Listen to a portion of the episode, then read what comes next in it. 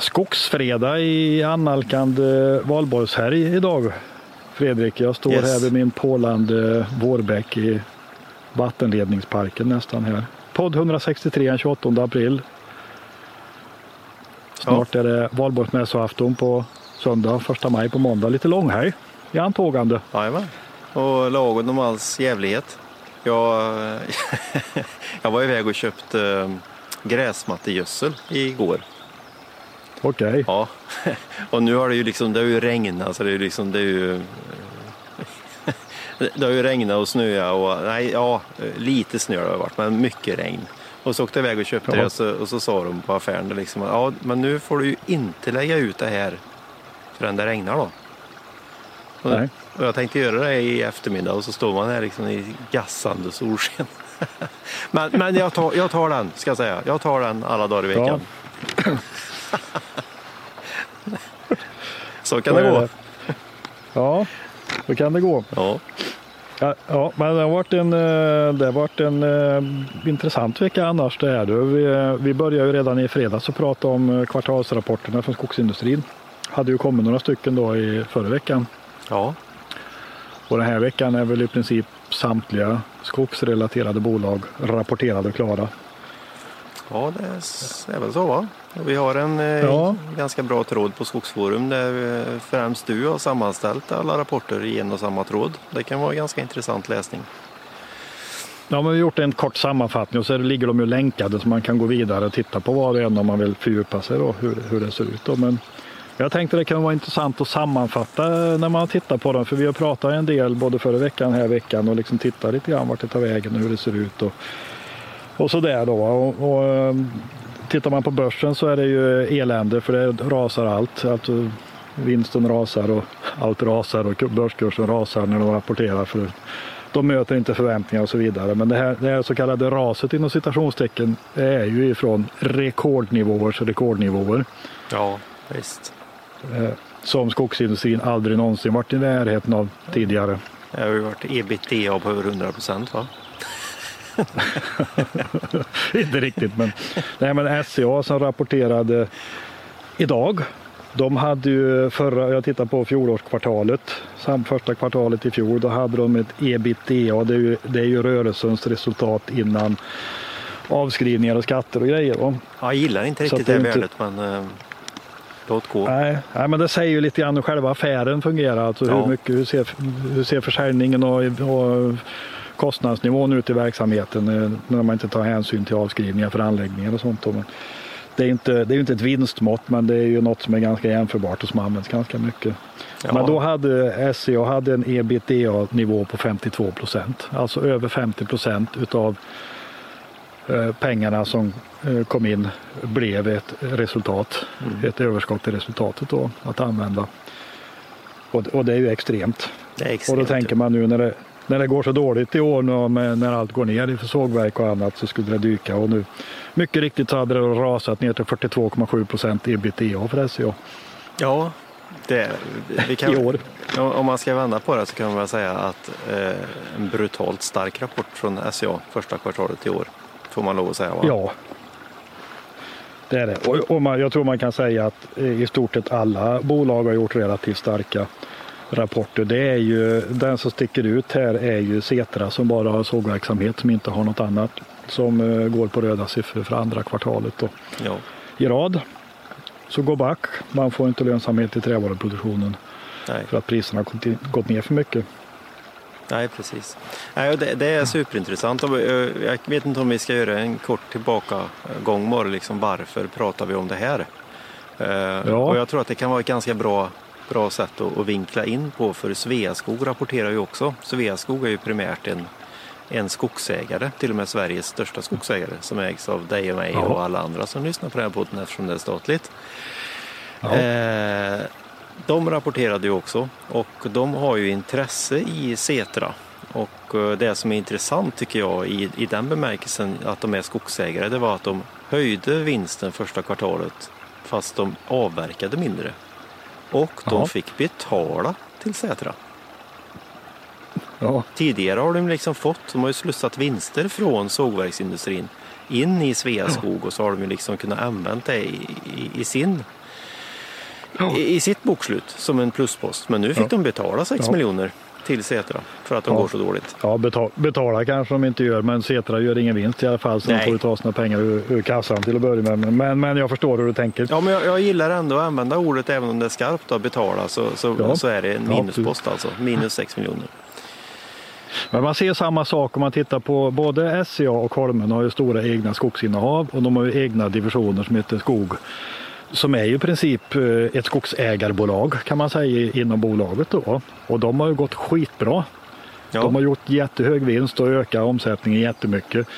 Och även eh, och, och SCA eh, skriver rakt ut att de använder ju marknadsmässiga priser i sin region för, när de gör affärer. När, när Sveas, eller SCA sågverk köper timmer ifrån SCA skogsdivision då får de betala lika mycket som motsvarande priser som SCA köper in det från omgivningen och från andra skogsägare. Mm.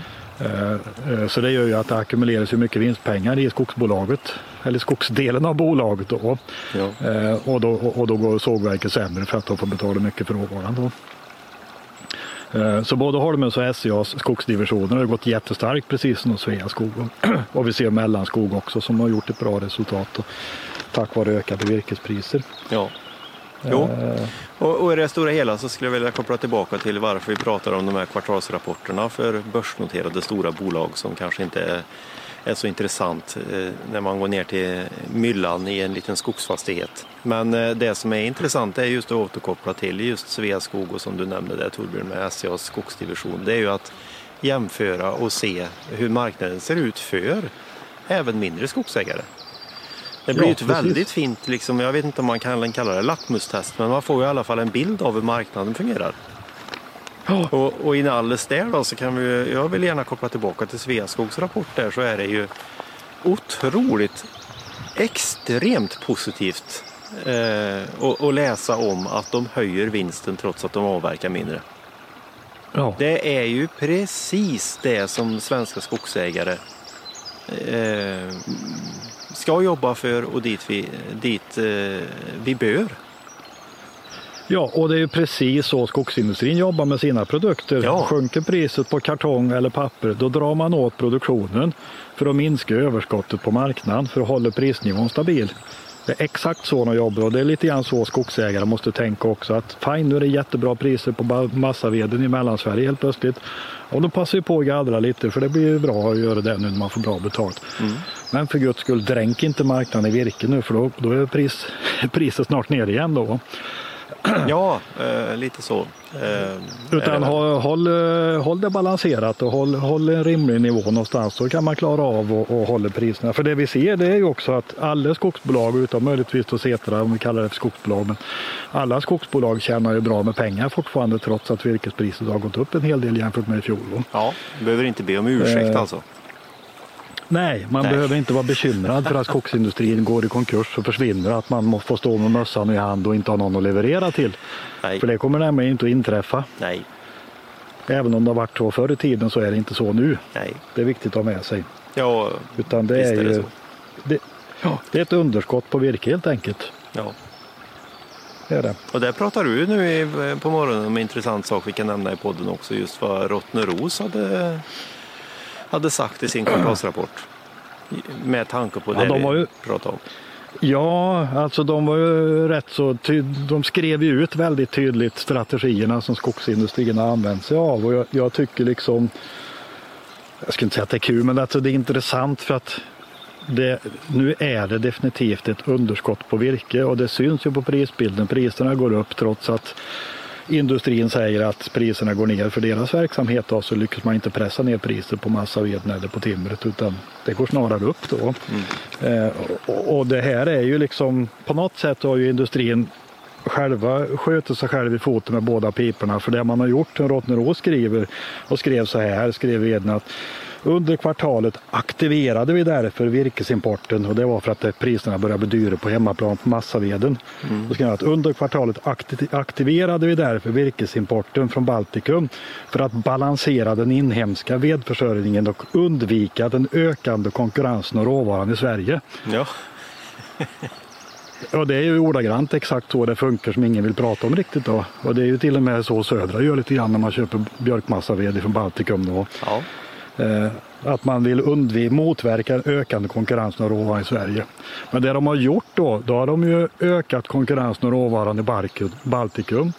Så till den milda grad att nu är ju finnarna här och marginalköper sitt virke i Sverige istället då. Mm. Och höjer priset i Sverige ju, Ja, och vart gick virkespriset upp mest då? Och det var ju Rottneros, Svealand. Eh, ja. Det fanns marginaler uppåt då. Ja. Nej, men det här är ju, det är ju liksom, det tyder på att den här underskottssituationen som är, eller bristsituationen, den är inte bara liksom lokalt på något litet ställe utan den är i hela Östersjöregionen. Mm. Och en del kan tillskrivas att eh, minskade ryska virkesflödena givetvis. Ja, visst är det så. Så det, nej, men det är kul. Det är... Och uh, jag tycker ja. att du skrev en tråd nu i veckan som jag tycker är värd också att lyfta i podd, den här poddavsnittet också. Just det här med att det är kul för uh, att det här så kallade prisstiket som vi har pratat om i Mellansverige är igenskottat. Ja. Det är ju riktigt. När det gäller massaved kan vi till understryka då, inte när det gäller timmer. Ja, Nej, men det, det, är ju, det är ju ett paradigmskifte i sig. Det har väl aldrig hänt? Ja. Nej, ja det kanske var under Gudrun någon period där när, när massavedpriset tippade i Götaland på grund av ett extremt överutbud. Men, men bortsett från det så har det nog Uh, ja, mm. Jag vet inte hur det ser ut långt tillbaka i tiden men in, i modern tid. ja, nej, men det är ju det hänt, jättepositivt. Så det, ja. mm. Kul. Och det kan eh, helt och hållet tillskrivas export av massaved från Sverige ja. som har dragit upp priset. Att man måste betala mer här. Yes. Och eh, jag tror att vi kommer dit i norra Sverige också. Så jag tänker att eh, om man Självklart. planerar att hugg, hugga och, i norra Sverige ska man nog vänta lite för det, blir, det är en annalkande underskottssituation som, som skärps där också i och med att kemibruket startas upp. Och ja. Finnarna köper allt mer. Yes. Och som det ser ut just nu marknadsmässigt så verkar det vara så att det är gallring som är ganska hett. För det, det är, eh, det är lite, nu i och för sig i rapporterna så skrev ju några att eh, de såg ju en eh, något förbättrad marknad på sågade trävaror under kvartalet som gick nu. Så, ja. så det kanske kommer igång men annars är det ju, och det är ju det man hör när man pratar med folk också, att gallringen är väldigt het. Och det, det, jag skulle vilja säga med, med det, eh, det är ju att om du ska gallra så tycker jag ställ krav på att, om du inte gallrar själv naturligtvis, då blir det lite svårt. Men, men som 95 procent av alla gallringskontrakt att, att du får en maskingrupp som kommer in och gallrar åt dig i skogen. Så ställ nu krav på att få HPR-filen. En HPR-rapport. För det här programmet HPR gallring ska i princip snart finnas i, tror jag, i majoriteten av gallringsskördarna i Sverige. Ja. Fruktansvärt bra eh, program för att hålla koll på att uttagen inte blir för stora. Nej, precis. Eh, och, och, eh, och gör upp med vilket gallringsuttag du vill ha. Och, och, då är det ju liksom gallringsuttag i hela beståndet, inte mellan stickvägarna utan det är viktigt att det är ja. beståndets uttag. För det är jätteviktigt att hålla gallringsuttagen rimliga. Är det, en, är det en ung granskog så kan man gå upp på 40 procent men annars så är det dumt att gå över 35 tror jag. Jo, men eh, lite så. Det, för det, det blir Ebberöd utav det hela. Eh. För tillväxten sjunker ju. Man får inte optimal tillväxt. Tillväxten sjunker och skadorna ökar. Så, att, uh, så det, uh, en HPR-rapport och gärna också en HPR-fil kan jag nämna. För uh, jag vet inte, jag kanske inte har sagt. Jo, vi har pratat om det Torbjörn, men jag har satt och, och kodat ihop en HPR-läsare som jag tänkte ska komma och släppas ja. på Skogsforum fram, framgent här. Där man kan ladda upp en HPR-fil och få den läser då HPR-filen och så får man en rapport utifrån datan som finns i den. Ja, ja, ja det är intressant. Ja, det är Sen kan det. Vara, eh, eh, sen kan man behöva stå på sig lite grann för jag tror att det är, jag har hört eh, från, jag har fått mejl från medlemmar som skriver, de vill inte skriva om det på Skogsforum med anledning, men att eh, när de ställer krav på att få ut skördardata så vill inte virkesköparen köpa virke av dem. Nej.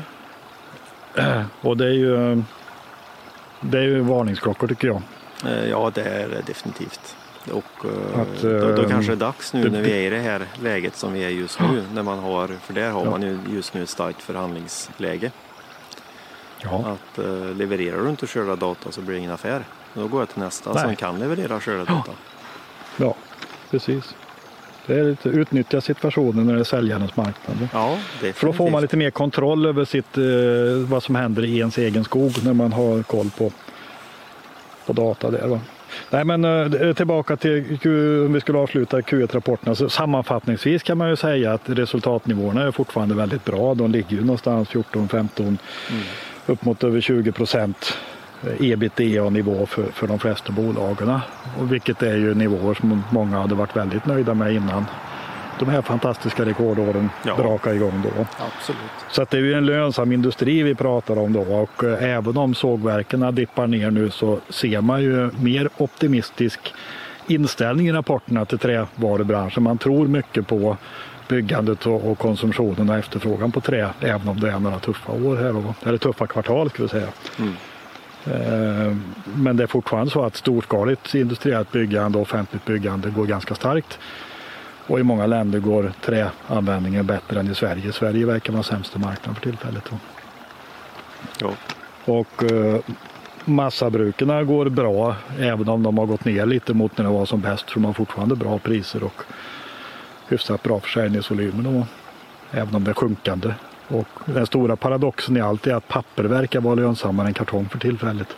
Ja, de har gjort en omvänd, eh, en omvänd virkesköp i Baltikum där tror jag. Och lagt ner lite för mycket jo, men kanske. Det, ja, men det, det, det är precis samma. De har dragit ner produktionen så pass mycket så att de har lyckats få upp priserna. De har dragit ner produktionen så mycket så priserna har gått upp mer än vad de har drömt om tror jag. Ja. eh, jo, Holmen, Holmen behöll ju sin gamla sin gamla pappersmaskin för, för bokpapper. Och eh, det har ju blivit den, den eh, pressa ut guld nu den i princip. ja, ja. Ja men nu Holmen investerar, de gör ju tvärtom. Stora Enso lägger ner pappersmaskiner och gör sig av med och SE har väl redan gjort det mesta. Eh, men Holmen investerar nytt i sina pappersmaskiner för de är ju kvar. De har liksom lurat bort alla de andra ut i skogen någonstans och så kör de. Då tar vi pappersmarknaden. ja. Det är ganska, det är ganska kul faktiskt.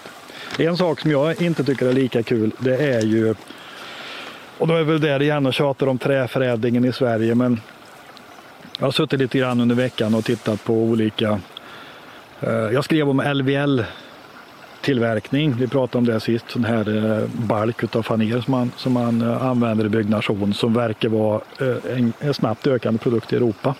Ja. Och i, i något läge när jag googlar runt och letar så hittar jag LVL-balkar i södra sortiment i England, deras eh, försäljningssajt för engelska byggsektorn.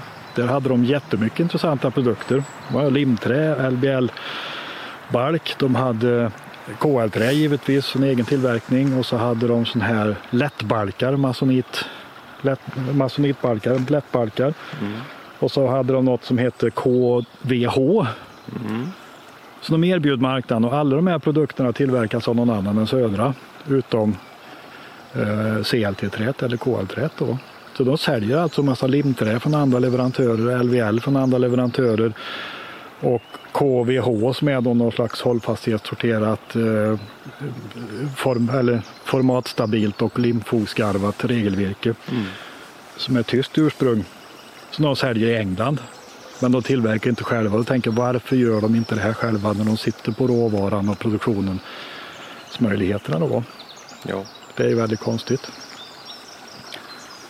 För det finns ju en marknad, de skulle inte ha med det på sin sajt om inte det finns en marknad som vill ha de här produkterna. Nej men precis. Marknaden frågar ju efter det här så att Södra måste sälja det till sina kunder som vill köpa KL-trä. Mm. Men då får de köpa LVL från en tysk leverantör eller finsk leverantör. Ja. Och vara mellanhand och bygghandlare. Ja. Nej, men det, jag vet inte, men det känns som att i, i, i dagens läge så, så, så, handlar det ju inte om, det är ju ingen pengafråga. Pengarna finns ju om de skulle vilja investera i något dylikt. Utan, ja. utan det sitter någon annanstans. Det verkar vara någon osäkerhetsgrej. Eh, eh, med att investera i någonting nytt man inte har gjort tidigare. Ehm, och jag vet inte, ja, det kanske kan gå till sig själv också. Det kanske är så. Att det, att det är väldiga trösklar att ta sig förbi. Jag vet, jag håller ju mycket på med servrar då eftersom vi driver Skogsforum. Och där har vi ju liksom, jag kan ju säga, där har du ju en sån här teknikskifte i, i att eh, dagens nya servrar drivs ju inte på det sättet kanske som i mångt och mycket som, som våra servrar drivs utan de drivs ju av någonting som heter Node.js som är JavaScript. Och eh, jag har ju tittat lite på det naturligtvis eftersom det har blivit så fruktansvärt populärt. Men å andra sidan så är det ju det är en enorm tröskel att byta språk för mig då. Jag får ju liksom sätta ja. det på skolbänken. Ja. Jag vet inte om det kan sitta ja, där. Nej, men det kan vara, kan vara lite så, för jag tror att det, det, är en marknadsmässig fråga ganska mycket. För att man, men jag tror man är någonstans mitt i ett skifte där. För att det är klart, jag, jag tror att det här med att sälja KL-trä, att producera och sälja KL-trä gör att man möter en helt annan typ av kunder. Alltså säljer mm. man plank och brädor då har man ett flöde med mellanhänder och i bästa fall någon större slutkund men, men eh, mellanhänder som, som köper det här och det är ganska lätt att handla med. Det finns, finns etablerade mått och språk och, och, villkor och allt möjligt så, som man kan jobba med om man har Kanaler. gjort det under många herrans år. Ja, och kanalerna är upparbetade. Va? Mm. Ska man tillverka KL-trä som Södra börjar med nu, då möter man ju en helt annan typ av kund för då ska man jobba direkt mot en byggprojektör och någon som ritar och bestämmer vad det ska vara för material i ett hus.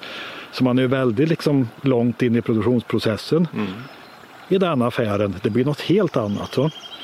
Och det är, ju där, det är ju där det drar med sig de här andra produkterna för att den kunden frågar ju efter att de vill ha limträbalk här ihop med KL-trät och så vill de ha LVL-balkar där och då måste Södra leverera det. Då. Så det kanske man kanske är på väg åt det hållet med hjälp av att man hittar den här nya kundrelationen som man får med KL-trät. Jag kan ja. hoppas det. Jo, men då verkar ju finnarna vara äh, efter längre än vad vi är i, i den här ja. processen. Ja, de jobbar mer bredare på något sätt. De tillverkar också mer plywood, det har vi också väldigt lite av i Sverige. Ja. Och, uh, men som du säger, att det är inte det är inte pengarna som fattas. För det, det, är ju en del av de här investeringarna är inte så gigantiska. Det handlar inte om att bygga en ny fabrik, men ta det här KVH-träet som tyskarna eh, jobbar med då, som de har varumärkesskyddat så man kan man ska uppfylla vissa kriterier, kvalitetskriterier för att sälja. Då. Mm. Det är ju en eh, hyvel och fingerskarvningslinje som behövs och så sortera ut hållfasthetsklassat virke då, så är det inte något jätteavancerat egentligen. Nej, nej, men jag, jag, tror inte det är avancerat alls. Utan jag tror det sitter vidare sen i de mjuka värdena ja. med att liksom kränga ut det på rätt sätt. Hitta kanalerna. Ja. Eh, trampa ny mark helt enkelt. Jag tror eh, där ja. har du nog det tuffa. Ja. För att, att, köpa en sån maskin som fixar det, det tror jag är det lilla faktiskt. Ja, jag tror det. Och jag tror man får gå på kunderna för det är ju kund, kundefterfrågan som styr. Och det är ju samma, tittar man på om man tittar på Södras eh, sajt om fasaderbjudande i Sverige så längst upp på den så är det eh, cederträ och sen är det sibirisk lärk. Och en bit ner där kommer liksom målad granpanel som kommer från södra. Men cedern kommer från Nordamerika, sibirisk lärk. Det går väl knappt att få fram idag misstänker jag för det var väl ryskt. Mm. Men anledningen att det finns där det är för att kunderna som tittar på material och framförallt kanske arkitekter och, och byggare av större projekt. Ja. De är ute efter det här de vill ha, det är det som är modernt någonstans då. Ja, och då får man ju gå tillbaka på sin kammare, liksom, hur sjutton ska vi leverera ett material som motsvarar det här som vi kan tillverka själva? Av våra flöden, det måste ju vara det som är prioriterat någonstans. Mm. Ja, definitivt. Det är spännande. Det, det, skulle jag vilja se mer, mer, eh, mer händelser inom det området. Att det rör på sig mer investeringar är lite, lite roligare. Ja. Vidareförädling. I Sverige dessutom. I Sverige, ja. Precis. Det hade varit riktigt kul. För det är ju det ja. vi har pratat om så, 8000 eh, gånger känns det som nu också redan då. Men det, det är ja. just att det, de här byggprodukterna, vare sig det är Engineered Wood Products, eh, björk, blyfa, eh, sågade trävaror, ja. KL-trä, KVH, eh, Masonite Beams eller vad det nu kan vara. Ja. Så är det ju just det att alla de produkterna har ett gemensamt. Det är ju att våra politiker vurmar ju och kör för att det, här, det är de här produkterna som kommer vara the shit från skogen framöver. Ja. Det är ju där du har det stora också. Att du, du har liksom en, en, en inoljad politisk kanal där du liksom kan åka på Ja. bananskal om du gör de här produkterna. Ja, och det gäller ju hela EU. Ja, Hela världen EU-marknaden. kanske till och med. Ja, troligtvis. Ja, visst. Så, Så att det är ju liksom, knyts eh, den krattat. säcken ihop också. Det är liksom som att knycka godis från barn på något vis. Och då, det, därför är det nästan lite frustrerande över att det inte händer någonting mer. Ja. Än att vi bulksågar ohyvlad eh, Nej, precis. träråvara eh, och skeppar Ja. någonstans. Det är klart att det hyvlas mycket virke och säljs som, som konstruktionsvirke så att viss förädling är i den meningen. Men att det går att göra mycket mer. Ja, det Kan man går göra. ju mycket mer.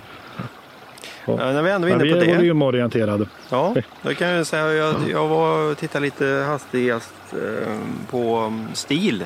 Motorsågstillverkaren hade ju en eh, sitt årliga sån här pressevenemang nu i veckan.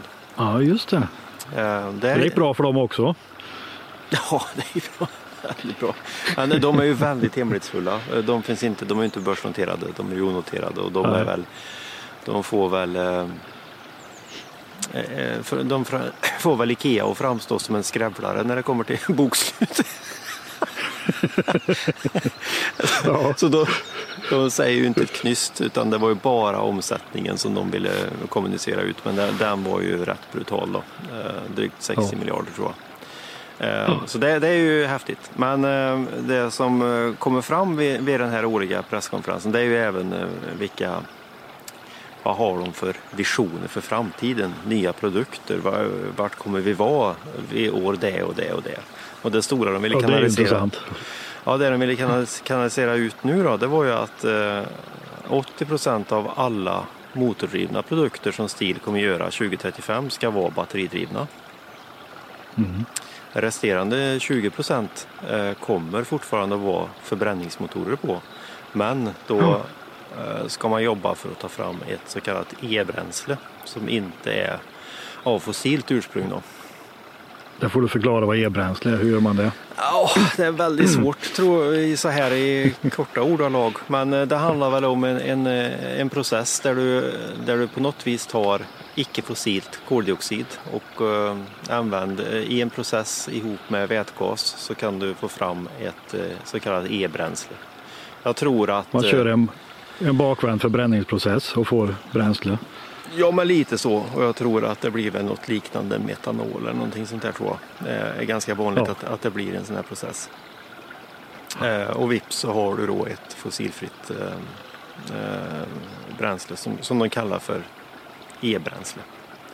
Men Ja. eh, det där är ju i sin linda ändå så det får vi väl se vad det går. Men, men ur ett motorsågsperspektiv så är det ganska intressant. Vi, vi på Skogsforum diskuterar vi ju eh, vanlig mackbränsle kontra aspen och, och sådär. Och det, det oavsett vad vi har diskuterat där så har ju det varit fossilprodukter. Och kommer det nu då ett e-bränsle inom några år så kommer det bli en stor snackis, det är jag helt säker på. Ja, det kommer mycket. Men det är bara 12 år till 2035. Vad, Mm. vad diskuteras 2011 på Skogsforum? Ja, hur, hur mycket har det hänt på motorsågssidan? Ja, absolut. Det, är- det, det är jätteintressant. Eh, Så, så det kommer ju att gå. Men, men det stora i detta det är, det är ju att de ser så mycket batteri. Den såg nog kanske inte komma. Och definitivt inte 2011 kan vi säga. Nej.